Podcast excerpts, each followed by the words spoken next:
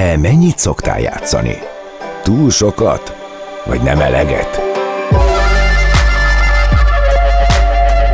Ez a Game On, a Rádiókafé magazin műsora a játékok világáról. A mikrofonnál Bényi László, Bodnár Csaba és Gáspár József.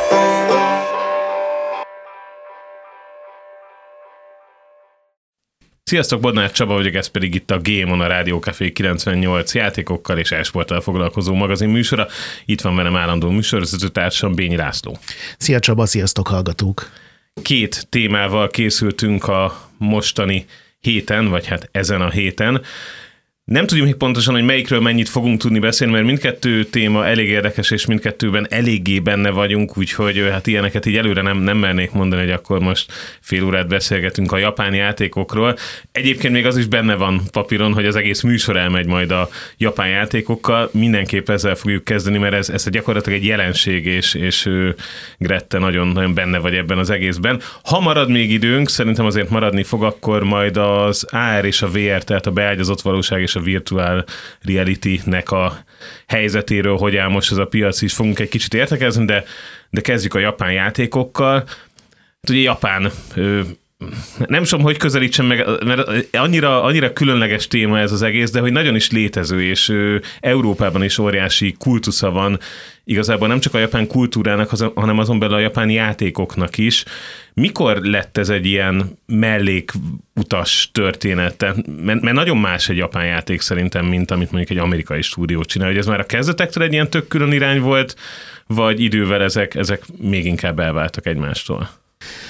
Először is az adásban bizony általános általánosítások fognak elhangzani, de hát nyilván trendekről beszélünk, meg sok évtizedes történetről, tehát nyilván minden alól lesznek kivételek, de ahogy elindult az egész, a 70-es évek legvégén, ugye amikor a mikroszámítógépek megfizethetővé váltak, itthon ugye mondjuk a VIC 20, Amerikában az Apple 2, Japánban pedig az NEC nevű, vagy NETS, ahogy mi magyarosan mondjuk gyártónak a számítógépei. Gyakorlatilag minden földrészen, minden régióban ehhez köthető az otthoni számítógépes játékoknak a, a tényleges elindulása, és Megfigyelhető egyébként, hogy ekkor még minden máshol működött ebben a három régióban. Amerikában már az elején kezdtek bele pénzt tolni, és megjelentek azok a programozók, akiknek a neve sokat jelentett. Európában inkább sokkal ez a egyetemisták a suli után, vagy a garázsban, vagy a bolt fölött a haverjaikkal csinálnak játékot, tehát ez a amit ma indinek nevezünk, ez volt sokáig az európai játékfejlesztésnek a mintája. És Japán egy kicsit különutas volt ebben, és uh, egyébként lesznek olyan hosszú korszakok, amikor ez a különutasság nem érezhető annyira, de például a kezdet egy, egy kicsit más volt ott. Például a legelső japán videójátékok, amik nem játéktermi dolgok voltak, hanem számítógépesek azokat. Bónusznak a különböző boltokban az eladók, a tulajdonosok készítették aféle bónuszként, hogy figyelj, gyere, benálunk és megveheted ugyanannyiért ugyanazt a számítógépet, mint máshol, de mi adunk hozzá három játékot, rögtön meg mondjuk egy szövegszerkesztőt. És tulajdonképpen ezekkel az ingyenes bónuszokkal indult el a japán játékipar, ami szerintem egy elég bizarr helyzet, de ebből nőtte ki magát aztán a dolog.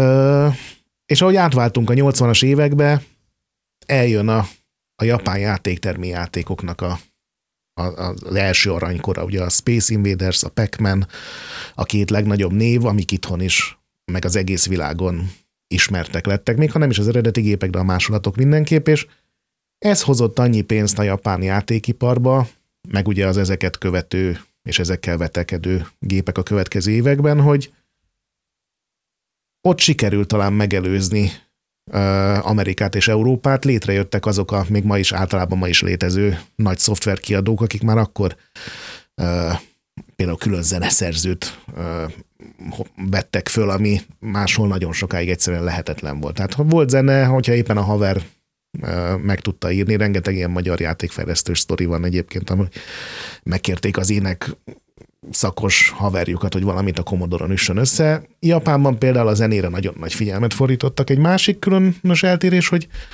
Japánban, és ezt nem tudom pontosan mire visszavezetni, de a, a történetmesélés mindig fontos volt. Tehát a Space Invadersnek még semmiféle története nem volt, de már ahhoz is ilyen utólagos rajongók által írt minikönyvek, kisregények megjelentek. Ezek nem hivatalosak voltak, de már ebből is látszik, hogy itt van egy ilyen igény erre, hogy valami plusz sztorit rakjanak közé, és a később a 90-es, 2000-es években szerintem ez lesz egy ilyen nagyon fontos dolog, ami aztán alakítja a dolgokat. Ugye a pac is van a Mrs. pac meg a pac gyerekek, meg külön sztori, hogy miért üldözi őket ez a négy szellem, pedig hát aztán a pac nem kell sztori, ez szerintem minden. Viszonylag egyszerű, egyszerű téma.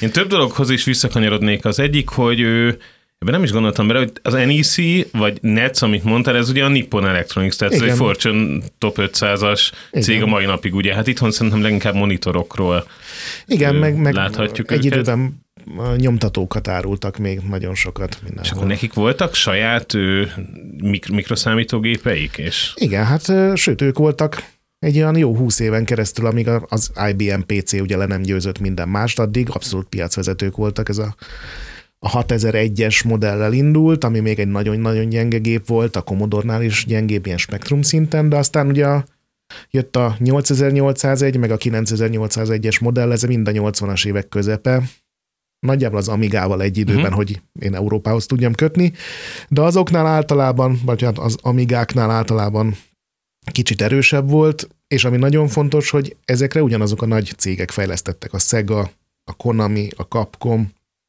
a Namco, tehát ezek a ma is létező hatalmas cégek, az NX meg a Square, akikből ugye összeolvadva ma már a Square, Square NX, NX néven futnak. Úgyhogy az Amigára meg ugye, ahogy mondtam, főleg ez a brit garázsfejlesztés volt jellemző. Aztán a 80-as évek végére már ebből is több pénzt láttak, tehát megjelentek a professzionálisabb kiadók, akik már importáltak akár Japánból, akár Amerikából is játékokat, de a 80-as évek közepén szervezettség tekintetében, ilyen céges struktúra tekintetében ez, a japánok magasan vezették a világot. Valószínűleg azért, mert ugye ez volt a japán ilyen buborék gazdaságnak a csúcsa, amikor Nyilván ezt innen utólag meg kívülről meglátni nagyon nehéz, de mindenhol azt lehet olvasni, hogy, hogy, hogy végtelen pénz volt Japánban abban az egy évtizedben, amikor ugye hogy igazán beindult a Walkman, akkor terjedt el a, a Toyota kocsik, akkor hódították meg a világot, és ebből a számítástechnikának ugyanúgy jutott, mint az animéknek, meg a mangáknak, és tényleg ez volt az, amikor mindenre volt pénz Japánban.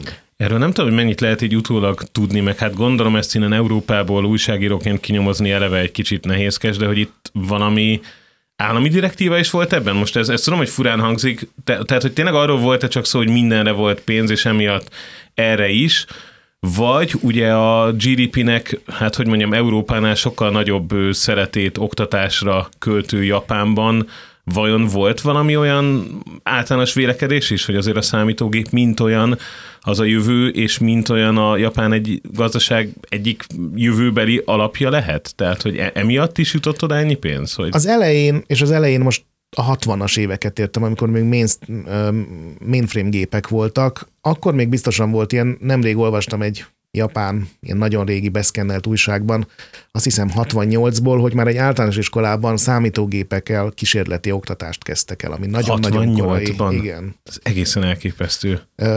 úgyhogy az elején volt ilyen, de ez, amitről beszélünk, és főleg a játékipar része, ez, ez a ez, ez, ez kapitalizmus, tehát ez a cégek iszonyatosan sok pénzt láttak ebben, és egy ideig, nagyon-nagyon sokáig úgy volt, hogy minél több pénzt raksz be, annál több pénz ömlik ki a másik oldalon, és tényleg ez volt az, ami ezt az egész szektort ilyen hatalmas növekedésre vezette.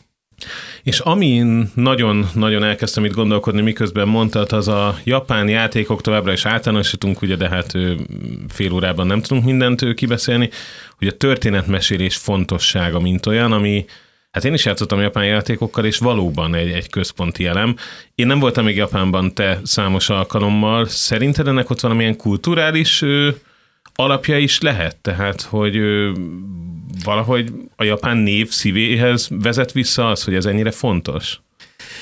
Hát ennek megpróbáltam én utána nézni néhány alkalommal, mert ez tényleg egy érdekes kérdés, és a, a legjobb és leghihetőbb dolog, amit találtam, ami egyáltalán nem bizonyítja, hogy tényleg így volt, az az, az a dolog, hogy ugye a második világháború után Japán elképesztően szegény volt, hiszen a világháborúra való felkészülés előtt egy szinte feudális szinten levő ország volt. Nyilván elkezdték már átvenni a úgymond nyugati dolgokat, de ez azért lassan ment, és ugye a háborúban lebombázták szinte egész Japánt, minden gyárat, a termőföldeket, a városok nagy részét, és innen amerikai pénzből kell túljáépíteni magukat, és egyszer nem volt pénz szórakozásra, és innen indult el a manga, amit a legolcsóbb papírból tudtak gyártani, ugye én újrahasznosított levedlet papírokból tudtak készíteni, és mivel ez ócska minőségű volt, ezért lett olyan a manga, amilyen, hogy ilyen nagy fejek vannak, kifejező szemek, kifejező szájak, tehát hogy erre mentek rá, hogy ezzel tudnak kicsit ilyen eltúlozva történeteket mesélni.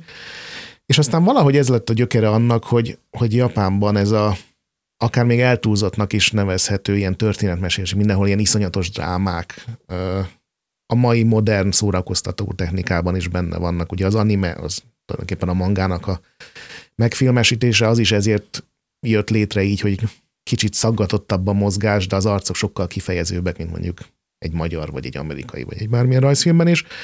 És szerintem valahogy a játékvilágra is ez jött el, hogy amikor az első olyan játék megszületett, ami valahogy tudta ezeket a mangás drámát párosítani a, egy minőségi videójátékkal, akkor, és ez 1985-ben volt, amikor megjelent az első Dragon Quest, akkor, akkor minden megváltozott. Addig a japán számítógépes ipar konzol 83-tól volt ugye a Nintendo, amit mi Nintendo-nak hívtunk, az amerikai NES-nek hívják, Japánban Famicom volt a neve, ez a Nintendo első konzolja. 83-ban jelent meg, igazán elképesztően népszerű nem lett, ami nem azt jelenti, hogy ne fogyott volna. Tök jól, csak nem volt az a, az, az iszonyatos monstrum, ami még később vált a Nesből annyi fogyott Japánban, hogy minden hatodik emberre jutott egy eladott uh, példány. Tehát ez tényleg egy ilyen generációs uh, hardware platform volt.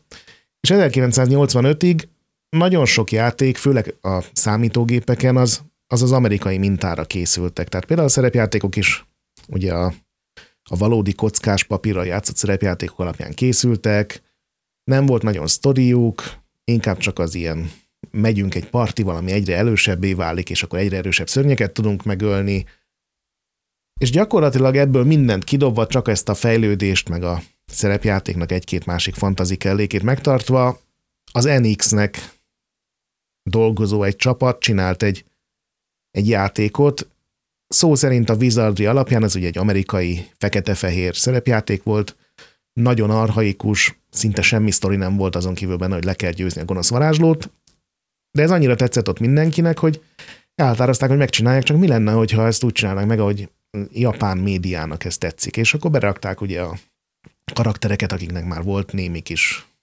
drámája, a saját története, egyénisége. Nagyjából ugyanaz volt, meg kell tölni a sárkányt és kiszabadítani a hercegnőt, de, de sokkal több sztori volt benne, sokkal több párbeszéd, tudtál mellékes feladatokat megcsinálni, és, és ez jött, látott és győzött, és a Dragon Quest onnantól kezdve egészen a mai napig Japánnak az egyik legnépszerűbb franchise-a. Millió mellékszál készült belőle, játék és nem játék egyaránt. Innen folytatjuk, majd most tartunk egy kis szünetet, maradjatok velünk. Még nem menjetek el, a szünet után folytatódik a Game On. Visszatértünk ez még továbbra is a Game a Rádió Café 98 gaminggel és esporttal foglalkozó magazin műsora, amelynek az első részében a japán játékokról beszélgetünk. Hát ilyen történeti, történelmi áttekintési jelleggel, de nyilván azért majd lesz ennek egy kifutása, hogy hogy hol vannak most a japán játékok, és ahol most tartottunk, az az 1980-as évek közepe, ahol hát gyakorlatilag a Dragon Questnek köszönhetően egy, egy óriási minőségbeli erő, előrelépés történt nagyon sok tekintetben, és ugye a Dragon Quest azóta is egy meghatározó franchise a japán játék, és hát mondhatni, hogy szórakoztató iparágnak. Ő, hova ment ez tovább? Mert egyébként azért, ha a legtöbb embert megkérdeznénk most, hogy japán játék, mondjuk itt a hallgatók közül, szerintem azért sokan azt mondják, hogy Mario. Igen, az vagy is, Final Fantasy, vagy hogyha Final már Fantasy, a igen. szerepjátékoknál vagyunk. Ezek mind-mind a Dragon Quest következményei tulajdonképpen, hogyha nagyon-nagyon leegyszerűsítjük. Ugye ez egy olyan sikeres játék volt, amit a Nintendo megpróbált máshol is kiadni, de egyszerűen nem ment le ez a design akkor még az amerikai és európai torkokon. Akkor az anime gyakorlatilag néhány geeket, nördöt és más furcsaság embert kivéve teljesen ismeretlen volt. Nyilván létezett néhány, és terjedtek VHS-en mondjuk az Akira, de, de ez egy nagyon tehát ez nagyon szub... stílus. Igen, ez egy szubkultúra szubkultúrája volt tulajdonképpen is. Igen, meg akkor szerintem még nem is tár, párosult ez egy ilyen viszonylag pozitív. Tehát most, ha valaki nagyon szereti az animét, vagy a mangát, vagy bármi, akkor így, így azt mondják, hogy tök oké. Okay. De akkoriban szerintem amerikaiként mondjuk a 80-as években nagyon furcsán nézhettek rád, és hát egyrészt, csodabogár volt. Igen, egyrészt benne van az, hogy ez milyen furcsaságot kedvelsz, és tudod, ez a kirekesztés, ez mindenhol megvan, de akkor még tárult hozzá egy olyan is, hogy a 80-as években nagyon sokan féltek Amerikában attól, hogy Japán lesz a következő szuper, gazdasági szuperhatalom, és ilyen komoly, főleg a, az ilyen gazdasági életben levő cégek, emberek részéről volt egy ilyen nagyon komoly visszanyomás arra, hogy nem kéne azért annyira a Walkman, nem kéne annyira a Nintendo-t, nem kéne annyira Mega Drive-ot nekünk isteníteni, mert az, az ugye nem ide hozza a pénzt.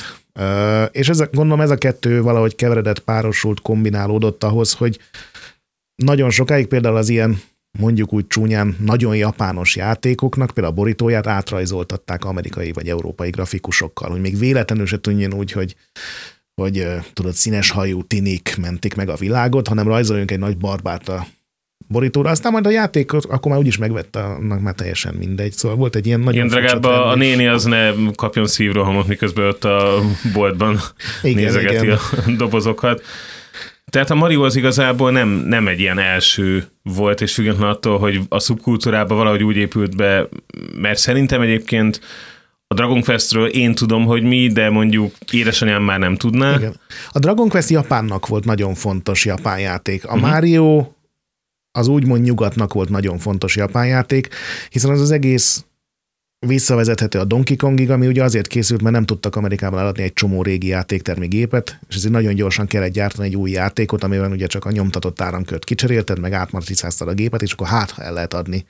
És ez lett a Donkey Kong, amiben ugye Mario már megjelentik, az még más néven, meg egy kicsit primitíve formában, de amikor aztán a Nintendo kiadta a NES-t, a Nintendo Entertainment Systemet Amerikában, és ahhoz hozzácsomagolták a Máriót, ami egyébként nagyon érdekes, Japánban sosem csomagolnak konzolhoz játékot. Ott ez nem tudom, hogy törvényileg tilos-e, vagy csak nagyon-nagyon ellenszembes valamiért, de az sose történt. Ez de furcsa, pedig meg. ugye pont a, a korábbi gépek kapcsán meg ugye az volt, hogy adtak három játékot az akkori.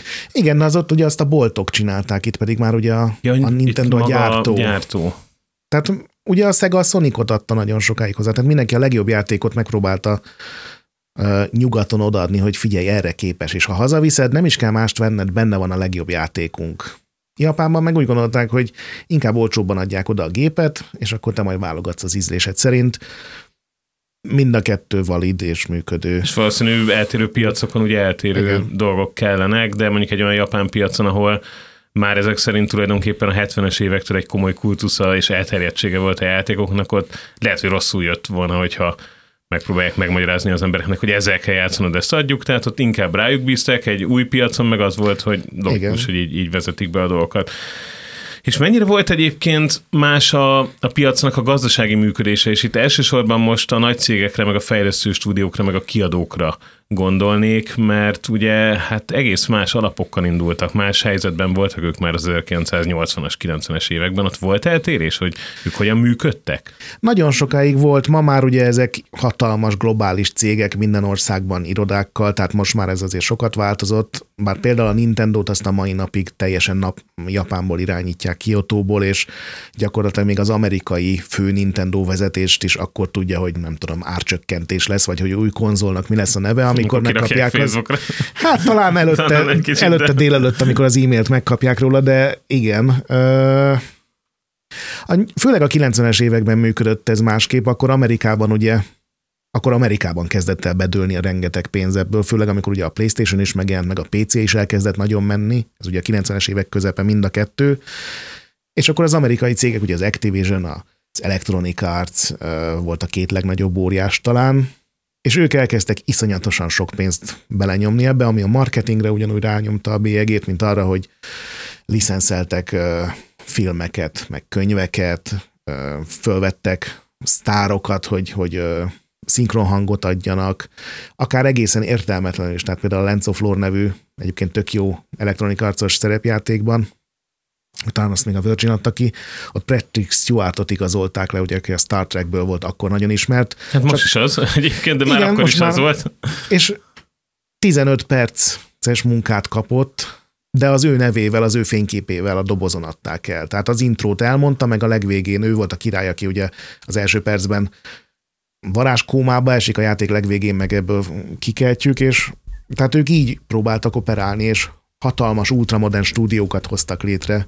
Egy idő után már minden nagyobb stúdiónak volt saját ilyen motion capture, ilyen mozgás, ö, emberi mozgás lemásoló és digitalizáló gépe. És Japánban pedig gondolom részben azért, mert vége lett ennek a buborék gazdaságnak, és megjött e, nekik egy ilyen jó évtizeddel korábban ez a meg kell húzni a gatyamadzagot. Ott sokkal kisebb volt az a, az a pénz, amit a fejlesztésekre, amit a fejlesztőkre, amit a stúdiókra költöttek. Én nagyon, hát attól függ, honnan nézzük, vagy vicces, vagy inkább riasztó eltérések vannak akkor, amikor ugye a Street Fighter 2 92-93 között megjelent, az ugye a verekedős játékok forradalmát hozta el, és Japánból is vannak interjúk, meg, meg Amerikából is, és az amerikai szélszesek gyakorlatilag mind a, azon dicsekedtek, hogy melyik tud menő porsét venni, és hogy hova viszi golfozni a különböző megrendelőket, és hogy melyik luxus étterembe tud minden nap kajálni, és ugyanezek az emberek elutaztak Japánba, és látták, hogy az ő ottani megfelelők egy ilyen koszos ablak nélküli mini irodában, jó, nyilván nem koszos, mert Japánban vagyunk, de hogy, hogy még a, tudod, a radírra sem volt pénz, meg újra kellett hasznosítani a borítékot, tehát teljesen máshogy viselkedtek ilyen szempontból.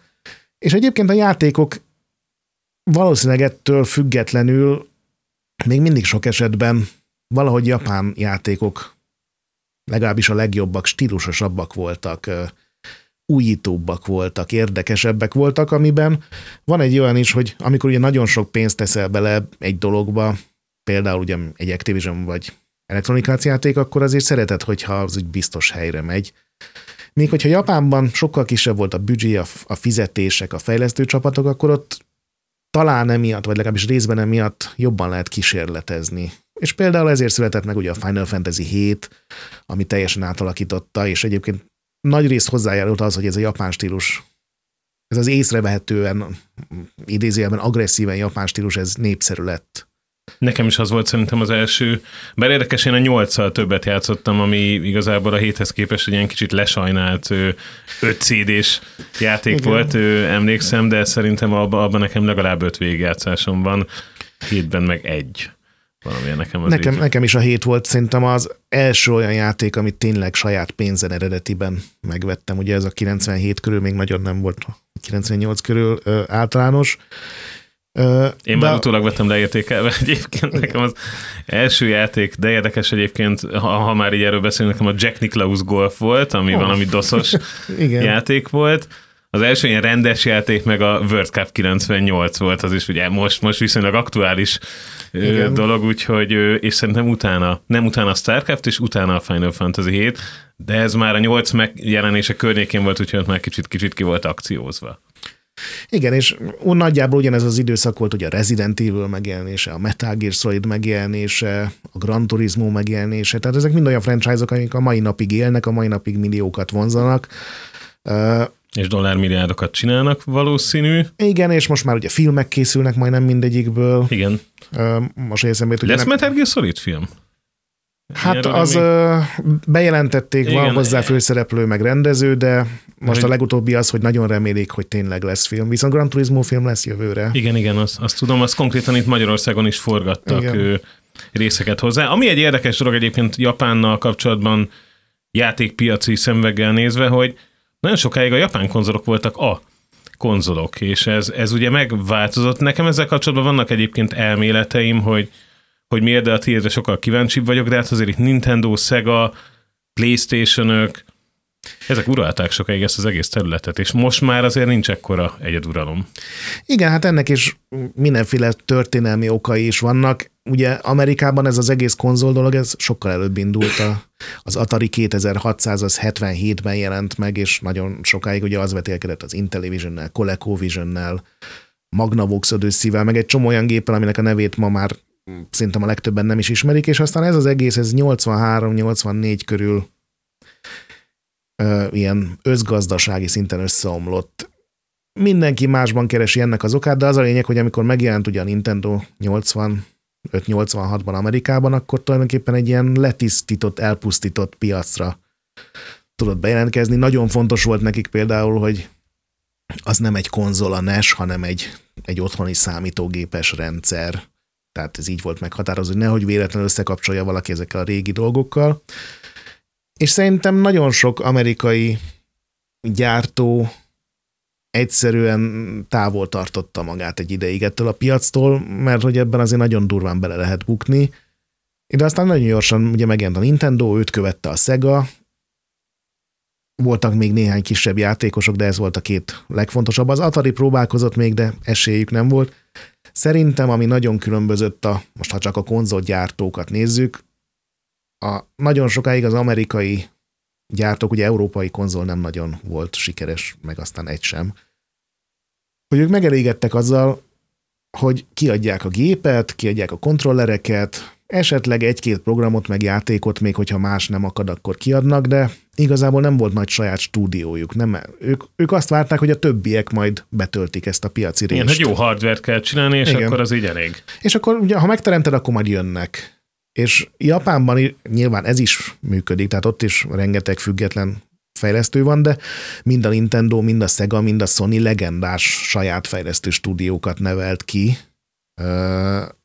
és szerintem ez volt az egyik ilyen nagyon fontos különbség, hogy a Nintendo azt tudta mondani, hogy oké, okay, tök mindegy még mondjuk, hogy 1988-ban kicsinál játékot a konzolunkra, Nesre akkor is ki tudunk adni, mit tudom én, 10 magas minőségű elit játékot, mert itt van ez a saját csapatunk, ők ismerik legjobban a gépet, a mérnökökkel együtt dolgozva tudnak még továbbfejleszteni egy csomó mindent, Nyilván ezen kívül még mindenki, aki, aki pénzt akar keresni, az hozzánk Welcome, fog jönni. persze, jöjjenek csak, de... De, de hogy mi azért ezt így minimumként lerakjuk az asztalra, és aztán a Sega ugyanezt másolta le, mert működött, és aztán a Sony, akik gyakorlatilag egy ilyen összeveszés miatt léptek be egy, a konzolpiacra, nekik egy ilyen hatalmas szenvedés volt az első két-három évben, hogy fölvásároljanak annyi stúdiót, meg betanítsák őket, meg átneveljék őket a saját gépükre, hogy, hogy ezzel vetekedni tudjanak a, az akkori riválisokkal, de hát ez bejött, hiszen ma a Sony-nak a, ugye a first party saját tulajdonú fejlesztő brigádjai, azok, azok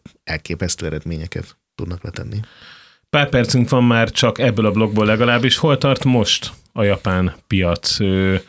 Ugye annyira már azért nem különutasok, mint, mint bizonyos évtizedekben voltak, de azért még mindig egy picit más világ. Igen, egy, egy ciklikusságot élünk, tehát a PlayStation generációkhoz lehet ezt nagyon jól párosítani. A PlayStation 1 és a PlayStation 2 korában a japán játék az a minőségi játékkal kapcsolódott össze az emberekben, ez nyilván nem kivételek nélkül volt, de a, a legnagyobb sikerek azok általában Japánból jöttek. A PlayStation 3 korszakban ez, ez megállt. A japán kiadók nem tudták eléggé átkapcsolni magukat a HD játékokban nem tudtak elég pénzt belerakni, mert ott ugye nagyon meg kellett növelni a fejlesztők számát, a grafika, a programozás komplexitása miatt.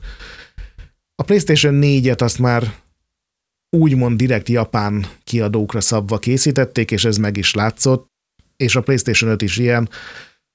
Ma szerintem újabb sokadik aranykorukat éli néhány japán kiadó, tehát például a Capcom az, aki sikert sikerre halmoz most ebben a generációban. Ők ezt nagyon jól kapták el, és mindig vannak olyanok, akiknek ez egy kicsit kevésbé megy. Most már, hogy ők is milliárdok fölött döntenek, már ez a kísérletezősség, ez a legnagyobb játékokból talán ott is visszaszorulni látszik, de... De ez nem annyira, nem? De nem annyira, igen. Igen, tehát így is lehet. Hát ez volt a japán játékos össze, összefoglalunk. Reméljük, hogy meghoztuk itt páratoknak a kedvét ahhoz, hogy körbenézzen, a mostani kínálatban tényleg fantasztikus címek vannak most is. Innen folytatjuk, majd egy kis szünetet tartunk, maradjatok velünk. Game On! Játékra fel!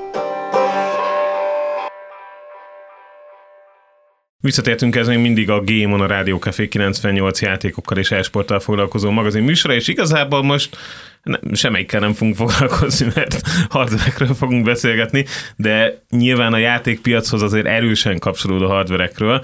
Ugye az első blokk elején még azt mondtuk, hogy AR és VR, de azóta annyit beszéltünk a japán játékokról, hogy inkább VR-re szűkítjük, és majd valamikor az AR-rel is fogunk részletesebben foglalkozni. Ugye VR, Virtual Reality, virtuális valóság, ez, ez, mindenki tudja, hogy mi ez, amikor van egy, egy szemüveg előttünk, és, és benne vagyunk. Hát ez a science fictionnek már évtizedek óta egy ilyen utópiája, egy ilyen, ez lesz a jövő, és az emberek zombi módjára ő, ott fognak egész nap a szemüvegben ülni, és elképzelt világokban a valós fizikai interakciót maguk mögött hagyva élik majd az életüket, és mi lesz. És hát az a helyzet, hogy most már egy, egy öt éve azért ezek a VR ö, hardverek, ezek, ezek velünk vannak. Most nyilván végnézhetjük majd, de szerintem ez egy másik adás téma, hogy hogy jutottunk el elég. Az okostelefonok terjedése egyébként nagyon sokat dobott ehhez hozzá, mert akármennyire kis gagyi dolog volt a Google-nek a Cardboard projektje egy csúcs VR headsethez képest grafikában, tényleg az volt, hogy konkrétan a Google-nél lehetett kérni egy, egy karton darabot, amiből hajtogattál magadnak egy VR szemüveget, volt egy, egy befőttes gumival a rögzített gomba, ami amúgy gyakorlatilag így megütötte a kijelzőt egy, egy fix helyen, és akkor az volt így az egyetlen beviteli eszköz, és hogy működött vele a virtuális valóság. Na, de lényeg a lényeg, hogy a virtuális valóság az az, amikor tényleg van egy szemüvegünk, benne vagyunk a térben, nagyon sok szintje van, van olyan, ahol már mozoghatunk is a térbe, és mondjuk kamerák, vagy valami más eszköz minket érzékel, vagy kamerák vannak a szemüvegben, és azok érzékelik a világot, és ebből számolják ki a fejmozgást. Van olyan, ahol a kezünkbe fogunk valamit, és akkor akkor az, az gyakorlatilag a kontroll van olyan, ahol nincs ez, hanem így egy helyben ülünk, és akkor körbe tudunk nézelődni, de lényeg a lényeg, hogy, hogy ezek a cuccok itt vannak velünk, és nem, nem történt meg az a óriási térnyerés, ami hát így a science fiction írók fantáziájában, illetve a nem tudom, szociális életet féltők fejében volt, mert hogy annyira nem terjedtek el ezek a, ezek a megoldások, pedig, pedig működnek. Működnek, de szerintem pont azért, amikor elterjedtek, akkor derült ki egy csomó olyan hátulütő, amire teszem azt a science fiction írók annyira nem gondoltak. Tehát, hogy például eléggé elidegenítő ennek a használata, mondjuk családi környezetben otthon vagy, és ha tévén játszol, akkor mindenki tud veled, ha minimum látják, hogy mivel játszol, tudnak veled beszélni, odaszólni. A VR-ban ugye csendesen ülsz a sarokban, az fejeden van egy szemüveg, a füledben vannak a, a, a hangszórók, és gyakorlatilag mintha egy ilyen... Zombi. Igen, mint egy ilyen... De máshogy zombi, é, mint hogy... Igen, érzékszervi megvonó kádba lennél gyakorlatilag, semmit nem érzékelsz a való világból, és ettől ez elveszíti egy ilyen könnyen befogadható, vagy, vagy közösségi jellegét. Aztán nyilván van egy másik olyan dolog is, hogy mire hasz, oké, okay, működik, mire használjuk.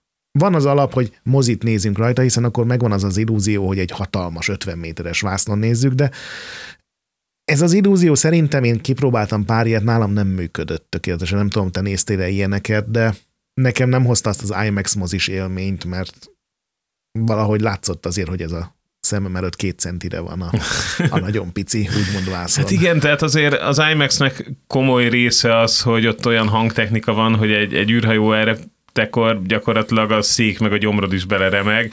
Ezt mondjuk így a VR nem, nem hozza. Egyébként viccesnek vicces, meg az nagyon érdekes, hogy az első élmények a VR-rel szerintem jók, tehát a családi környezetben is, tehát így elsőre nagyon vicces, hogy apa izé neki megy a falnak, így ötödik alkalommal inkább idegesít, hogy már megint VR-ezik. Én, én azt már többször mondtam, és ez az, szerintem a VR a, a legkönnyebben, legjobban demózható dolog a világon. Tehát a, ha csak 10 percre próbálja ki valaki, akkor ez a jövő, ez a miért nem mindenki VR szemüvegben ül. Tényleg, hogy hiszen a sci is megírta, és tényleg itt van is. Nézd, körbenézek, és ott van a virtuális világ, és tök mindegy, hogy ez egy játék, vagy egy iroda, vagy egy bármi, de... Tök mindegy, hogy mi igazából. Uh, Még az is, hogy jó-e a grafikája, pusztán az, hogy mozogni. Nyilván az, hogy jó legyen hardveresen a fejkövetés, hogy hogy ne akadozzon, az, azok fontos Igen, ez részek, ma már megvan oldva szerintem. Ez abszolút megvan oldva. Nyilván rengeteg fejlesztés lesz még, de az alapok szerintem meg vannak oldva, és ezért is bárkit beviszel, még akár olyat is, aki idegenkedik a számítástechnikától, egy laptopot vagy tabletet is csak nehezen használ, de a fejére raksz egy ilyet, ösztönösen emberként nézelődik, odahajol, és úgy érzi magát, mint a valódi világban, és aztán egy óra után, hogyha addig kibírja valaki, azért előjönnek ennek a nehézségei, minden téren. A játékokban talán a legjobb még. Ö, nagyon könnyen lehet vele néhány élményt, hangulatot kiváltani. Tehát, ugye, hogyha minden egyes érzékszerv felett a játék designer uralkodik, akkor például a horror az egy nagyon könnyen kiváltható érzés, és szerintem nem véletlen, hogy a VR-ban a horror játékok ott vannak a legnépszerűbbek. Igen, most egy picit örülök, hogy azért Között... kiavítanak, mert nem az összes érzékszer, ugye a szaglás ő, és okay. az ízlelés nincs benne, de egy horror játéknál még büdös is benne azért. Igen, hát az... ott gyakorlatilag szerintem utána komoly pszichiátriai kezelést kéne igen. alkalmazni bizonyos embereknél. De igen, tehát a horror az, az nagyon jól működik, de én mondom, hogy ne, nekem milyen bajaim vannak egyébként ezzel. Nekem is van VR, VR-em otthon, hogy egyrészt elszorítja az ember orrát a legtöbb szemüveg, és egyre jobbak, meg, meg arra, de, de ez a két óra után így nem tudom, egy picit légszomjabb lesz, nem oké, nem jó érzés. Nagyon sok ismerősöm szédült tőle egész egyszerűen, tehát, hogy azt mondják, amikor ugye a PlayStation VR bevezetése volt egy, az el, egyik olyan, amikor egy nagy mm, konzolos cég beállt teljes messzélességre mögé, és ott nagyon sok kutatás volt, és ők azt mondták, hogy körülbelül 15-20 százaléka az embereknek az, aki egyszerűen biológiailag nem tudja a VR szemüvegeket elviselni, mert valahogy az, hogy nem mozog, de mégis mozgást lát. Nagyon sok ezt... mindentől függ, én erről olvastam sok cikket, tehát itt ha valami szembeli probléma Igen. van, ami egyébként, egyébként nem jön ki, de itt kijön ő, belső füllel kapcsolatos dolgok, egyensúlyérzékelés, stb. Igen. Ő nagyon sok minden fel tudja ezt, ezt borítani. Ezen kívül szemüvegesként az egy probléma, hogy hogy veszed föl, meg párásodik a szemüveged, meg, meg koszos lesz, illetve hát izzad a fejed alatta. Tehát, hogy nincs mit ezen Igen, szépíteni. Ezek a hardveres gondok szerintem ez Igen. Egy csomó dolgon javítottak azzal, amikor ugye a legújabb headsetek közül néhány már vezeték nélküli, tehát magába a, a, a fej, fejen levő hardverbe van építve a számítógép. De akkor is valami pánt fogja oda. Igen, igen. Ez sem old meg minden, de Nekem főleg ezzel a PlayStation VR-ral vannak tapasztalataim. Ott ugye ez a vezeték, amit mindig össze kell dugni, néha beakad a füledbe vagy a vállatba, amikor ugye nagyon kalimpálós játékról van szó. Azt is most már sikerült megugrani. Nagyon nehéz lenne olyan tökéletes ergonómiát találni, ami mindenkire illik. Nyilván erre is dollár százmilliókat költ a Facebook, meg a Sony, meg mindenki, aki még ebben benne van. De szerintem ennél egy jóval komolyabb gond a, a szoftver kínálat, egy, egyrészt ugye a Facebook valamiért a munkára akarja ezt felhasználni, hogy aki irodai dolgozó, az naponta 8 órát üljön egy ilyen szemüvegben, ami szerintem nem lehet leverni az embereknek a Nem, nem, nem. Torkán. Szerintem sem, és bocsánat, tehát nem vagyok egy már Zuckerberg, tehát hogy nem, nem akarok itt neki okoskodni, de tehát én ezt egy olyan bődületes hülyeségnek gondolom, tehát ez, ez az egész metaverzumos, meg tehát nem, nem. Tehát ez, ez nekem valami nagyon durva álmokfutásnak tűnik. Egyelőre egyébként sajnos, vagy hát nem sajnos, nem tudom, de engem igazolnak a számok, mert hát most múltkor is csináltak valami nagy bulit, nem tudom hány, 10-100 millió forintnyi összegben, és elmentek rá tizen a virtuális Igen, az, az pont egy ilyen EU-s VR-t népszerűsítő, modern technológiákat, és senkit nem érdekel, de de az még egy bulizás lett volna, hogy nem tudom, virtuális koncert. Engem speciál az sem érdekel, de azt el tudom képzelni, hogy rengeteg ember van, aki arra így érdeklődne. Arra, hogy úgy dolgozzál, hogy a fejeden van, ahogy te mondtad, egy ilyen izzadós, nehéz szemüveg, és az szemed, ami én egy-két óra után szerintem már a legvérmesebb VR játékosnak, és az így elkezd egy kicsit zsibbadni a szeme. Azért így délután ötre már elég furcsa arccal jönnél ki ebből. Hát, ha sikerül esetleg a heti munkaidőt egy napra csökkenteni, akkor ez egy elfogadható kompromisszumnak gondolom, de más esetben élhetetlen, és egy picit itt a vége felé számokat is, tehát úgy látszik azért, hogy, hogy itt a mindenkin VR szemüveg lesz, elképzelések azok, azok nagyon nem fognak bejönni. 2017, 18, 19-ben még ilyen évi 3,8-tól 5,5 millióig volt az összes eladott szemüveg. Most nyilván itt néztem, hogy milyen adatforrások vannak. Ugye ha ebbe benne voltak egyébként a mobilos nagyon egyszerű vérszemüveg is, akkor ez, ez még kisebb ez a szám volt. Egy ugrás, aztán 20-20-ban, meg 20-21-ben majdnem 8, illetve több mint 14 millió egységre, 2022-ben itt már a 20 milliót fogjuk súrolni. Nagyon sok eszköz van most már piacon egyébként, és az árak is azért normalizálódtak, meg most már lehet ugye PC szinten videókártyát kapni, ami elhajtja a VR-t, mert két éve ezek pont hiánytermékek voltak ugye a Bitcoin Ethereum bányászat miatt, tehát főleg az Ethereum. Na de lényeg a lényeg, hogy most 2027-ig prognosztizálnak 26,68 millió eladott eszköz, tehát hogy ilyen évente 1-2 milliós ugrásokat várnak most az elemzők, ami, ami nem annyira sok. Hát ha összehasonlítjuk, hogy PlayStation 4-ből elment nem tudom 120 millió egység, akkor ahhoz képest a, az évi 20 millió vérszemüveg worldwide az, az ne, nem, egy, nem egy nagyon komoly. Tehát szerintem ez egy ilyen kis, kis nem tudom. Szerintem mindenki, aki ebben így nyakik benne van, az, az, az abban reménykedik, hogy ő lesz, aki majd megtalálja azt, a, azt az egy szoftvert, egy felhasználási területet, ami az egész világon átmegy és megváltoztatja. Ugyanúgy, ahogy beszéltünk róla, a Dragon Quest tényleg egy korszakalkotó dolog volt. Az a baj, hogy általában ez úgy szokott működni, hogy, hogy nagyjából tudod, hogy mi lesz az a téma legalább, ami ezt a sikert elhozhatja, és így konkrétan dolgozol afelé. Én úgy látom, hogy ez egy kicsit ilyen fordítva van, hogy oké, megpróbáljuk mindenkinek eladni, és ha az sikerült, akkor majd megtaláljuk, hogy mi az, amiért ezt megvették az emberek. Tehát van most néhány játék, amik tök jól működnek. Van néhány játék, ami jobban működik szerintem, mint az egyszerű tévén. Ezek mind ilyen abstraktabb, sok az űrben lebegős játék, amik tök jól működnek a Beat Saber, ahol ugye bármilyen zenének az ütemére kell itt, hát nem táncolni, hanem ilyen furcsa karatézós jellegű mozdulatokat, tök jól működik. Vagy van a Tetrisnek egy verziója, ami ilyen kicsit pszichedelikus látványvilággal nagyon szórakoztató, sokkal jobban működik, mint a tévén.